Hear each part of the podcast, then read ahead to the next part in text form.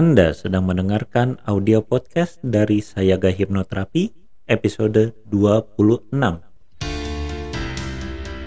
Selamat datang di serial audio podcast bersama Sayaga Hipnoterapi, institusi penyedia layanan hipnoterapi dan konseling profesional di Kota Bandung yang membantu penanganan berbagai masalah kesehatan, emosi, dan perilaku yang mengganggu kualitas hidup.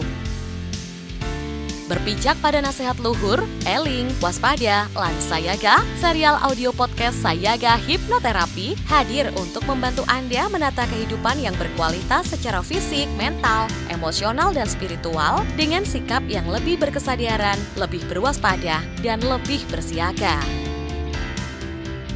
Serial audio podcast Sayaga Hipnoterapi menghadirkan inspirasi kehidupan yang diintisarikan dari berbagai keilmuan psikologi dan pengembangan diri yang juga diadaptasi dari kisah nyata para individu yang menjalani program terapi dan konseling bersama tim profesional dari Sayaga Hipnoterapi.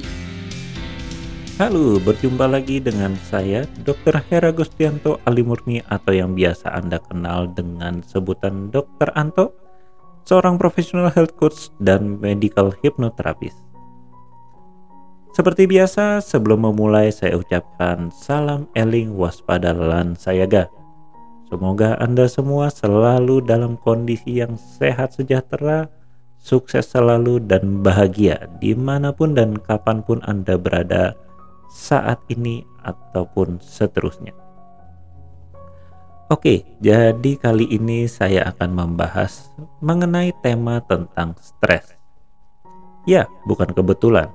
Malam ini saya baru saja menyelesaikan live Instagram saya yang bisa Anda lihat di @dr.anto1985. Malam ini kita membahas tentang stres pada anak.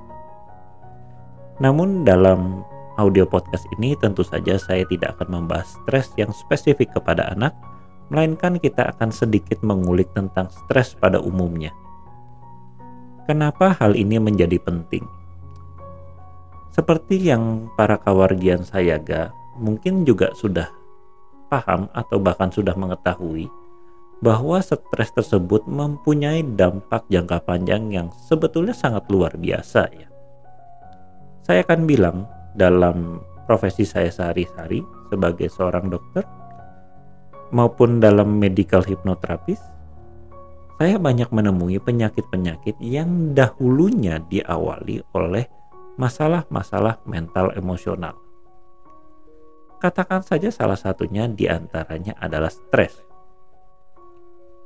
Di mana pada orang yang mengalami stres, dari gangguan fisiknya kita sering melihat yaitu misalnya pada pola makannya. Pada orang stres, pola makannya menjadi sangat terganggu atau bahkan e, berkurang biasanya. Yang paling ringan yaitu katakanlah biasanya makan tiga kali sehari, mungkin dia hanya akan makan dua kali sehari atau bahkan satu kali atau bahkan mungkin tidak makan. Tentu saja hal ini secara jangka panjang akan sangat mempengaruhi kebutuhan fisiknya. Bisa juga ketika dia stres, misalnya dia adalah seorang pembelajar atau seorang pelajar, maka dia akan akhirnya tidak mau untuk bersekolah mungkin atau bahkan hanya sekedar mengerjakan PR. Tentu saja hal ini akan sangat mempengaruhi masa depannya nanti. Belum lagi jika dia juga harus melakukan kegiatan-kegiatan lainnya di mana akibat stres, ya Anda tentu juga sudah bisa merasakan sendiri bagaimana ketika Anda dituntut untuk melakukan sesuatu, namun Anda merasa sangat malas untuk melakukannya. Ya, begitulah stres sangat dapat mempengaruhi kehidupan Anda, baik di masa sekarang ataupun di masa mendatang nantinya. Seperti yang kita pernah bahas sebelumnya bahwa ketika Anda mengalami suatu masalah mental emosional tertentu, maka ada tiga panggung besar dalam kehidupan Anda yang mungkin akan sangat terganggu nantinya. Di mana panggung tersebut adalah satu, yaitu di pekerjaan Anda, ya pekerjaan Anda akan sangat terganggu oleh gangguan-gangguan mental emosional yang Anda derita. Kedua, yaitu di hubungan, entah itu hubungan dengan suami, dengan istri, ataupun dengan keluarga lainnya. Dan yang paling juga banyak terjadi yaitu akibatnya pada anak Anda. Bisa jadi gambaran gangguan mental emosional Anda justru tergambar pada anak Anda yang bisa saja juga mengalami stres seperti yang Anda alami. Maka saya selalu mengajak pasien-pasien saya untuk membantu atau bahkan mungkin berperan untuk melawan stres ini dengan cara yang paling sederhana terlebih dahulu. Yaitu apa? Yaitu membantu saya ataupun rekan-rekan profesional lainnya untuk membantu mengenali siapa saja sih yang akhirnya mengalami gangguan mental emosional ini. Nah, maka dalam podcast saya kali ini kita akan membahas tiga ciri sederhana untuk membedakan antara orang yang mempunyai gangguan emosional dengan yang tidak. Dan tentu saja kapan Anda harus atau perlu membutuhkan bantuan dari profesional di bidangnya. Oke, jadi yang pertama sebetulnya yang paling mudah Anda lihat seperti yang saya contohkan tadi yaitu adanya atau timbul sebuah gangguan dari pola makan. Ya, hal ini pasti sangat mudah untuk Anda lihat. Seseorang yang tadinya biasa makan dalam jumlah tertentu atau bahkan dalam jumlah banyak, kemudian secara tiba-tiba dia kehilangan nafsu makannya. Hingga kadang juga mungkin sering berkata bahwa ah saya lagi tidak enak makan. Atau ah saya sedang tidak nafsu makan. Atau entah kenapa rasanya kok hari ini lidah rasanya pahit. Dan segala macamnya yang mengindikasikan bahwa makan bukan lagi sebuah kenikmatan untuknya.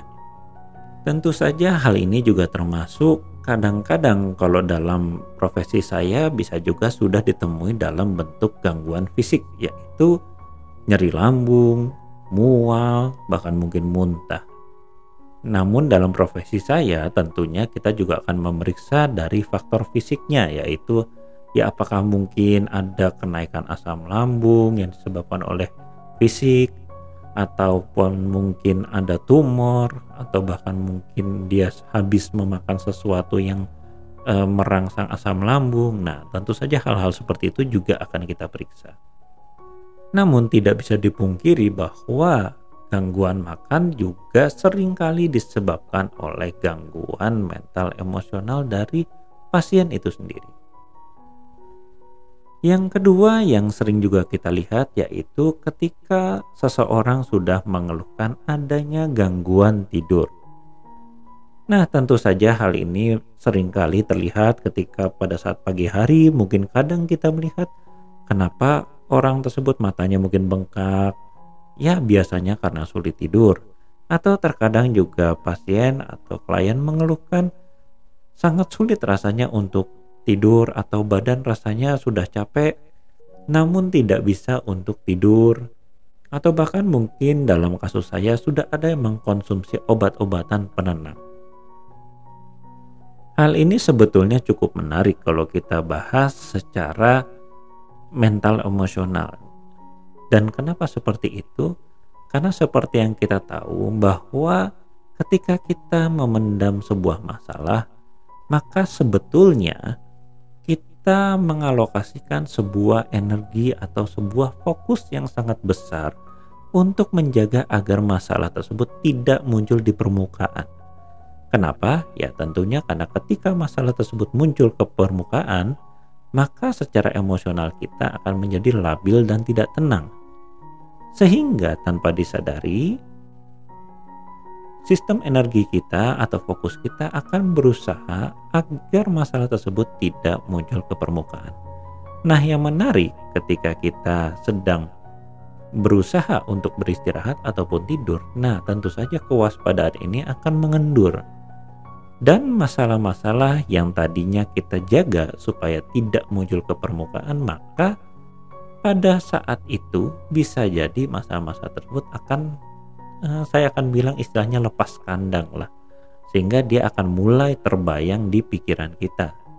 Atau bahkan walaupun dalam uh, bayangan tidak jelas namun dia sudah menimbulkan gangguan yaitu tiba-tiba rasa seperti deg-degan, khawatir, tidak tenang dan lain sebagainya.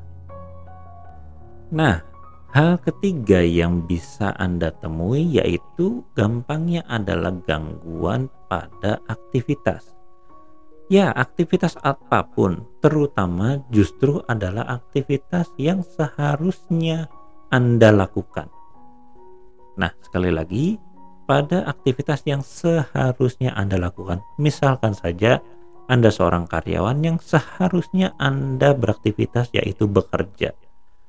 Namun sering kali ada keluhan entah kenapa pada saat mau bekerja itu bukannya Anda semangat karena mau menghasilkan uang namun Anda mungkin merasa sangat malas atau sangat terbebani atau sangat berat rasanya untuk melakukan aktivitas itu. Begitu pula ketika misalkan Anda mempunyai anak atau remaja yang sudah mulai bersekolah. Jika tadinya si anak ini semangat untuk sekolah, semangat untuk ketemu teman-temannya, tiba-tiba saja tanpa mungkin alasan yang belum Anda ketahui, anak atau remaja ini memutuskan untuk malas untuk sekolah. Katakanlah dia mulai berulah dengan bangunnya mulai siang mungkin, atau mandinya mulai lama, atau dalam kasus saya yang sering menangani katakanlah karyawan atau anak sekolah ada juga yang akhirnya malah menjadi sakit. Setiap kali mau sekolah misalkan minimal dia akan mengeluhkan pusing lah mual badan pegel-pegel nggak enak dan segala macamnya. Ya keluhan-keluhan yang sebetulnya secara fisik atau secara penilaian mungkin tidak terlalu berat namun kadang-kadang kita juga harus mempertimbangkan faktor mental emosional dari pasien itu sendiri. Nah, tiga hal tersebut adalah hal yang sangat sederhana dan bisa Anda terapkan untuk mengetahui apakah seseorang sudah mulai ada gangguan mental emosional atau kita sebut saja stres misalkan. Jadi secara ringkas yaitu ketika orang tersebut sudah mengalami gangguan pola makan, mengalami gangguan pola tidur, ataupun mulai mengalami gangguan untuk beraktivitas yang semestinya dia lakukan atau dalam artian tertentu ada tanggung jawab dan kewajiban untuk melakukan aktivitas tersebut. Seringkali yang menjadi pengganggu dari tiga pola ini ya memang adalah stres secara mental emosional. Hal ini sebetulnya bisa Anda lihat baik di anak-anak ataupun dewasa. Hanya saja kemungkinan faktor pemicunya bisa berbeda karena kembali lagi kebutuhan anak-anak dan kebutuhan dewasa bisa sangat jauh berbeda. Maka stres yang ditimbulkan pun bisa berasal dari sumber yang berbeda. Nah, kemudian kapan nih kita harus ketemu katakanlah seorang hipnoterapis ataupun terapis mental lainnya ketika kita melihat ada tanda-tanda seperti itu di diri kita ataupun di orang-orang yang kita sayangi. Secara gampang dan mudahnya saya akan bilang seperti ini. Saya selalu menganalogikan sama saja sebetulnya seperti misalkan Anda sedang mengalami sakit demam batuk pilek. Di hari pertama dan kedua, anda mungkin saja bisa meminum obat-obatan yang bebas atau bahkan membeli obat di warung ataupun di toko-toko retail yang ada di sekitar Anda. Anda minum dan kemudian Anda istirahat dan bisa saja kemudian ternyata Anda sembuh. Maka perlukah Anda ke dokter lagi setelah itu? Tentu saja tidak, karena berarti Anda sudah mampu mengkompensasi ataupun daya tahan tubuh Anda sudah berhasil untuk mengeliminasi penyakit tersebut dan Anda akhirnya bisa pulih kembali. Tentu saja hal ini tidak diperlukan dokter pada waktu ini ya, karena satu dua hari dan Anda sudah sembuh. Namun lain ceritanya jika Anda sudah satu dua hari demam batuk pilek, Anda sudah minum obat dan kemudian berjalan lagi hari ketiga dan keempat, ternyata demam Anda malah makin tinggi, batuk Anda mungkin menjadi semakin berdahak, dada Anda mungkin sakit, bahkan mungkin Anda sudah merasa sesak. Nah, di situlah Anda memerlukan peran seorang dokter untuk betul-betul memeriksakan apakah penyakit ini dan bagaimanakah penanganan yang tepat untuk penyakit tersebut. Begitu pula sebetulnya dengan gangguan mental emosional tadi. Ketika Anda sudah menemukan tiga gejala tersebut, dan kemudian Anda melihat, oh ternyata satu dua hari gejala tersebut Anda lihat, namun kemudian hari ketiga keempat Anda melihat, oh orang tersebut sudah kembali lagi ke pola yang biasa. Bahkan mungkin uh, lebih semangat bisa saja maka tentu saja hal tersebut tidak perlu lagi untuk dikonsultasikan kepada ahli terapis mental yang Anda ketahui ataupun tidak perlu lagi Anda bawa ke hipnoterapis. Namun jika ternyata Anda menemukan klien ataupun teman-teman ataupun saudara ataupun orang-orang yang Anda kenal dan Anda sayangi memiliki gejala tiga hal yang saya sebutkan tadi, dan ternyata Anda lihat secara waktu dia juga sudah cukup lama apalagi Anda juga sudah melihat bahwa dengan tiga hal tadi kualitas kehidupan dia sudah sangat terganggu yaitu tadi misalkan saja dia seharusnya bekerja dengan baik dan karena suatu masalah atau suatu stresor dia menjadi tidak bisa untuk melakukan pekerjaannya dengan baik Bahkan mungkin saja sudah ada ancaman misalkan bahwa dia akan dipecat bila tidak memperbaiki kualitas kerjanya. Pun seperti itu ketika anak ataupun klien yang Anda hadapi adalah pada usia masih sekolah. Jika ternyata masalah yang dia hadapi tidak sampai mengganggu katakan aktivitasnya untuk sekolah, dia masih aktif untuk bersekolah, dia masih mau untuk mengerjakan tugas-tugas dari sekolah, dia tidak bermasalah dengan teman-temannya, maka tentu saja Anda tidak membutuhkan untuk berkonsultasi dengan hipnoterapis pada waktu itu. Dengan asumsi bahwa kemungkinan besar secara sistem tubuhnya sudah mampu untuk mengkompensasi gangguan mental emosional yang ada. Namun tentu saja lain cerita jika kemudian Anda menemui seseorang dengan gejala tiga hal di atas dan ternyata masalah tersebut sangat mengganggu kualitas hidupnya, maka sudah saatnya Anda menyarankan minimal bahwa orang tersebut menemui profesional di bidang mental seperti kami para hipnoterapis ataupun terapis mental lainnya. Dan pastikan bahwa dia mendapatkan kejelasan atas masalah yang dideritanya dan kemungkinan-kemungkinan pertolongan yang bisa didapatkannya. Karena sekali lagi, saya pun sebagai seorang dokter juga selalu mengingatkan bahwa terkadang tidak cukup hanya dengan obat.